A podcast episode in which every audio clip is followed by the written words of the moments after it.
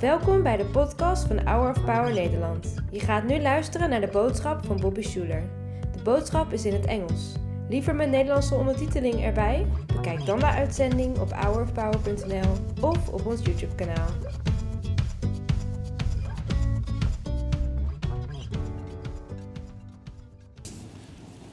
God loves you. He's proud of you. He sees you. Yeah, and we do too. We're so glad you're here. Your philosophy is perfectly designed to give you the results you're getting. Anybody upset at me yet?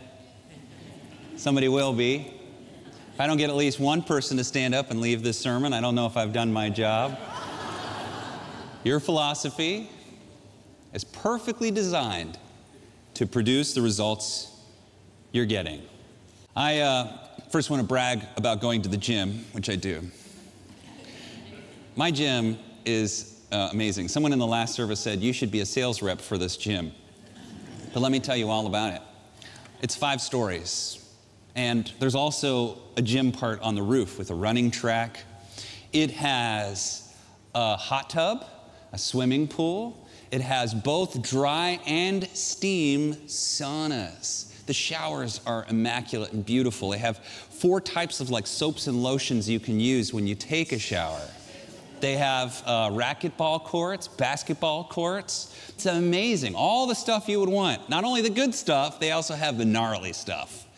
They've got ropes and steel and lead and bars and chains, all the stuff that's really uncomfortable. And you'd be surprised to hear that this gym, which I love, is actually not too expensive. See, every gym doesn't have one price, it has two prices. The first price is the price to get in, the price to get, price to get into the gym. You go, you sign up, you make a commitment. Every week, a fee is taken from my credit card. That's easy to understand, isn't it? That's the price to get in. So when I go in, they say, Hello, Mr. Schuller, nice to see you again. And I look around and nobody's there. That's because nobody's paying the second price. The second price is what you pay to get the results from the gym. That is the thing of going to the chains, going to the ropes, pushing, stretching, running, training. That is a second price, and that price is worth it. And it comes with gym results.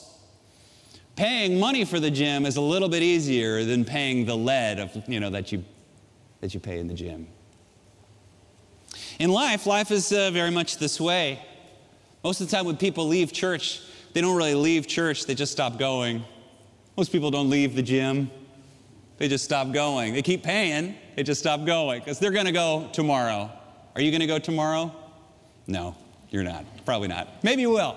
Maybe you will. I'm a, po- I'm a possibility thinker. It's possible. It's possible that you'll go to the gym tomorrow. But it's more likely that you're going to go to the gym tomorrow if you go today. Because health is never owned, it's rented. And the rent is due every day. You can cheat sometimes. I sure do. I cheat on Mondays. It's called a cheating Charlie diet. I, I cheat like crazy on, on Mondays. But in life, many of us, we want to pay the price to get in, but we don't want to pay the price to get the results. In the kingdom of God, there are two prices there's the price of heaven, and then there's the results of heaven.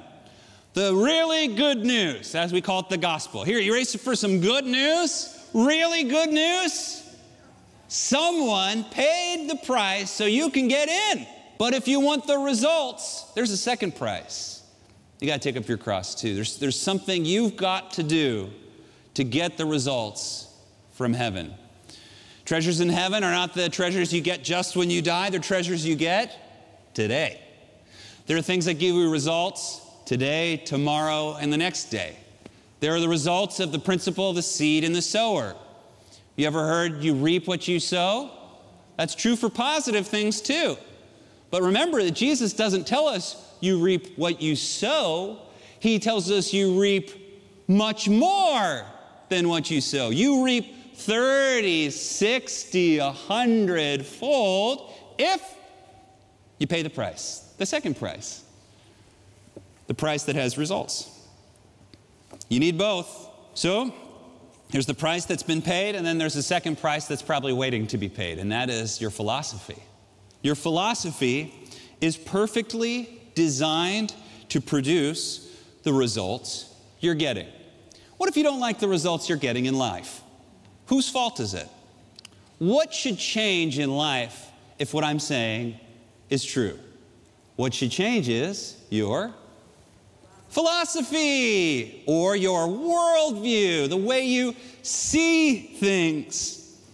And when you ask good questions, you get a good philosophy. When you get a good philosophy, you get a truly good life. That's good news.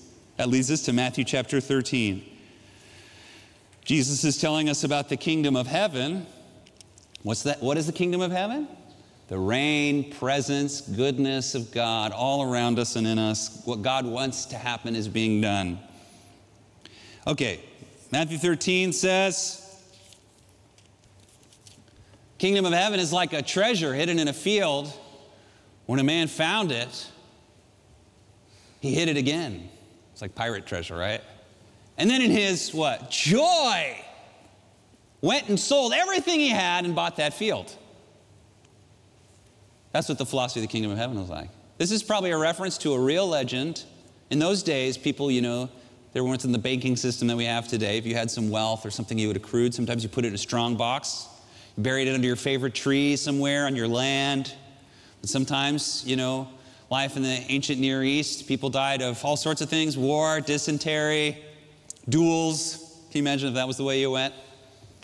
And probably some Joe forgot about his box, or nobody knew about his box, and he died. And the guy who owned the land obviously didn't know. And the law of the land says, because this happens so often, if you own the land, you own the box. So some worker out there found the box and overpaid for the land. I'm sure that seller thought more than once, why is he paying so much for this land? Didn't that cost him everything? It was worth it. Jesus says again, the kingdom of heaven is like a merchant looking for fine pearls. When he found one of great value, he went away and sold everything he had to buy it and bought it.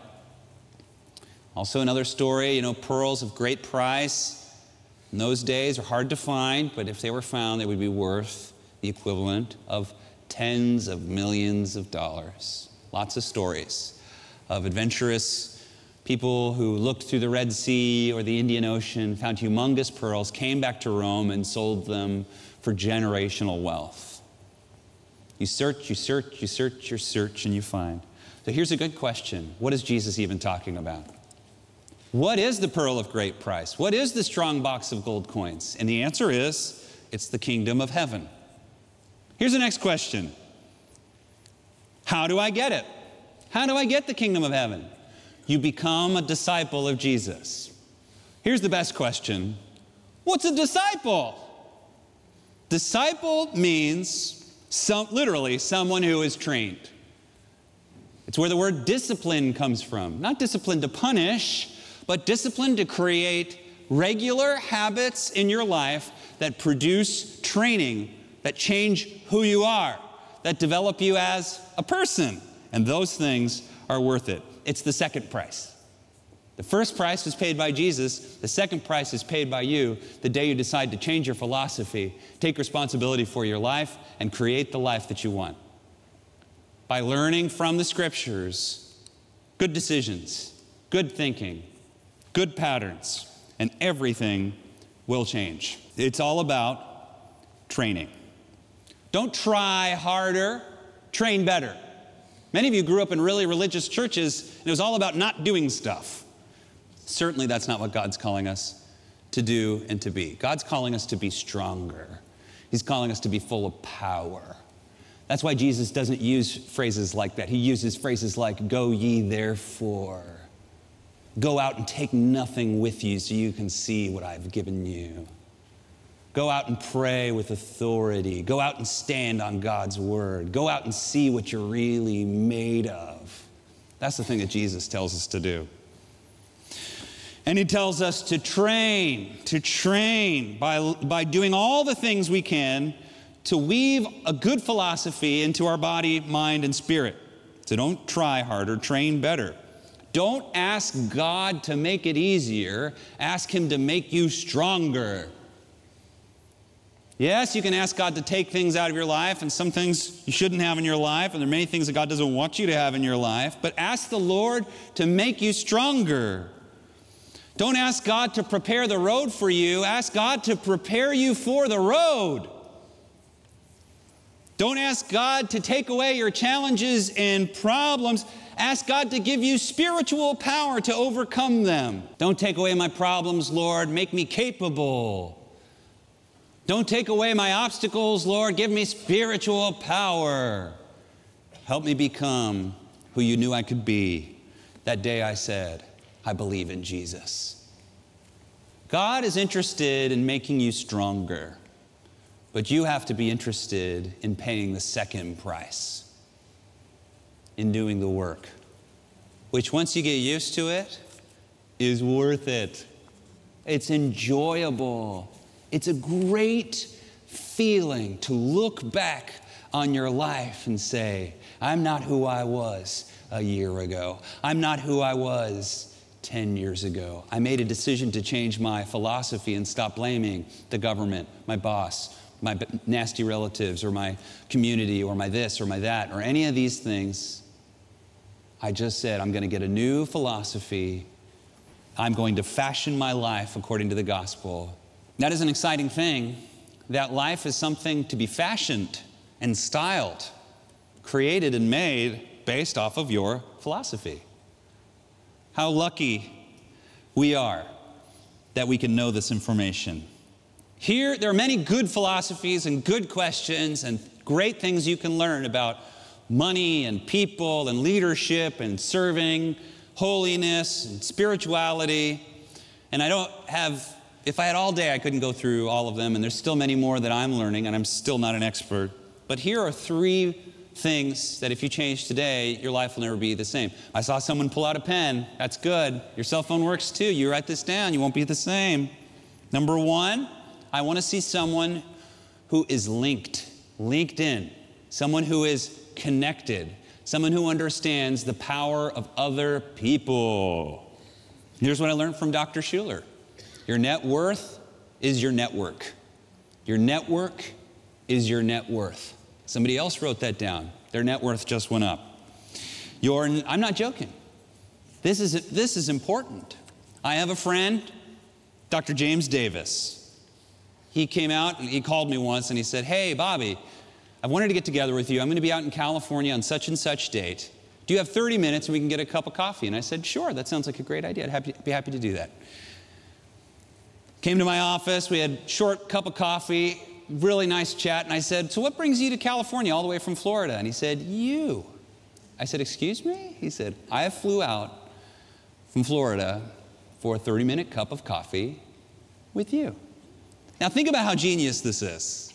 I, I learned something this day because if you had called me and said, Hey, Bobby, I'm going to fly out to California just to have a 30 minute cup of coffee with you and I'm going to leave. That's all I want. I'd be like, This guy's crazy.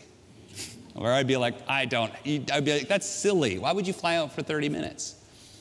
But now, this guy and I are dear friends. I've spoken at his conferences. He's going to be here in two weeks, and he's going to tell us all about how he's building a school on Mount Everest. And it's almost done, and it will get finished. This is someone who knows the power of a network.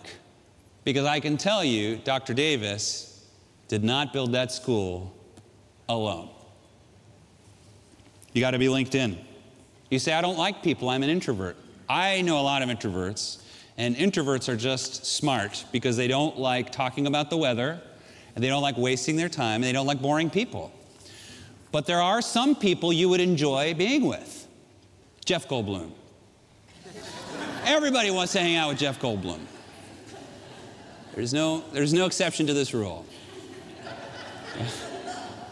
Now you say, I would like to talk with Jeff Goldblum. Well, if you like Jeff Goldblum, there's other people like him that you would find interesting. And then you say to me, Well, Bobby, Jeff Goldblum would never want to spend time with me. What am I going to say? Become the kind of person Jeff Goldblum would want to hang out with. That's your answer. Don't blame anybody else. Become, if that's what you really want, become one of the 500 people on Jeff Goldblum's list that he would want to spend time with, if that's important to you. And if it's not, forget about it. That's the first one. I have two more, and I'm already at negative 24 seconds. but I'm going to take an extra five minutes because this will change your life. The first thing is you need to be LinkedIn. The second thing is you need to understand this is not this is a fact. You are anti-fragile. Anti-fragile is a word coined by N.N. Taleb, my favorite author. He said the opposite of fragile is not robust, the opposite of fragile is anti fragile. So when you think of something fragile, think of a bunch of champagne glasses. You, you want to keep any two year old as far away from this tower of glass as possible, right? It wouldn't take a lot to shatter all of this glass. So you think, what's the opposite of that? And you would think, maybe bowling pins. How's that? Does that seem like the opposite? And the answer is no, bowling pins are not the opposite of fragile. Bowling pins are robust. You can knock them around, but they're not going to change. They're not going to get worse or better. Bowling pins would only be anti fragile if every time you hit them they got bigger or thicker or stronger somehow. Anti fragile means that small amounts of harm cause the thing to become better. So here we have to look at Greek myth. One example is the story of Hydra. You might remember Hydra. Heracles is fighting Hydra. Every time you cut off one head, what happens? Two grow back. So you keep cut off another head, and what happens? Two more grow back, get stronger and stronger. And in fact, the only way that Heracles is able to defeat Hydra is by mending the wounds. So, people are like this, books are like this. Books are anti fragile. The best way to get a, a, book to sell is to ban it. Ban the book, and people are gonna be like, whoa, that's interesting. Or even better, burn it. If someone out there could t- take a pile of my one of my books, You Are Beloved, and create a huge pile and burn it and make and call it something horrible, whatever, just make it up. I don't even care. Just make something up. I will sell more books that week than I've ever sold. Books are anti-fragile. The church is anti-fragile. Church has done the best when it's been persecuted. It weeds out the wheat from the chaff. It separates the men from the boys, the ladies from the girls, right? And this is, a, this is true of you, of just the human body. This is true of the human soul. We don't do well chilling out all the time, being comfortable and lazy. We do well with adventure, challenge, setbacks, building. You must see that to a point, the harm that you face in life is good for you. That, that, that when you go through struggle, the gym is the perfect example, right? When you work out, you're actually harming your body, but you're making it stronger. One key is just seeing the challenges that you're going through as an opportunity to develop into the person you've always wanted to be. It's hard to do that when you're in it. But if you're not in it now, be ready for it so that that's what, how you respond when you get there. Finally, the last thing the first thing is you want to be linked in, The second thing is understand you're anti fragile. And the third is that it's all about other people. It's servant leadership, is the word I'm going for. Jesus told us we're not here to be served, we're here to serve others, to just find the immense joy of finding a need and filling it. To make your goals, if you have big goals, about someone else It'll do something for you, for sure. But when you make goals about other people, they get real power. It means that you really do believe in people. That when you talk to people, you ask them about themselves and you really are interested in them and you really do care about them and you're willing to serve people even if it might embarrass you a little bit. Most of all, I want to encourage you today to make a decision to follow Christ. If you don't know Him, you're just missing out on such an amazing treasure. The world doesn't have the right answers, my friend. It just doesn't. The Lord has the right answers. And if you want to become the person you want to be, you need to follow Christ. Lord, we come to you in the strong name of Jesus. And yes, Lord, we pray for help. We pray in our time of need. We thank you that we already know your will, but we also pray that you'd give us real spiritual power. And we pray it all in the strong name of Jesus. All God's people said, Amen. Bedankt voor het luisteren naar de podcast van deze week. We hopen dat deze boodschap jou heeft bemoedigd. Wil je meer weten over Hour of Power of dagelijkse bemoedigingen ontvangen? Ga dan naar www.hourofpower.nl.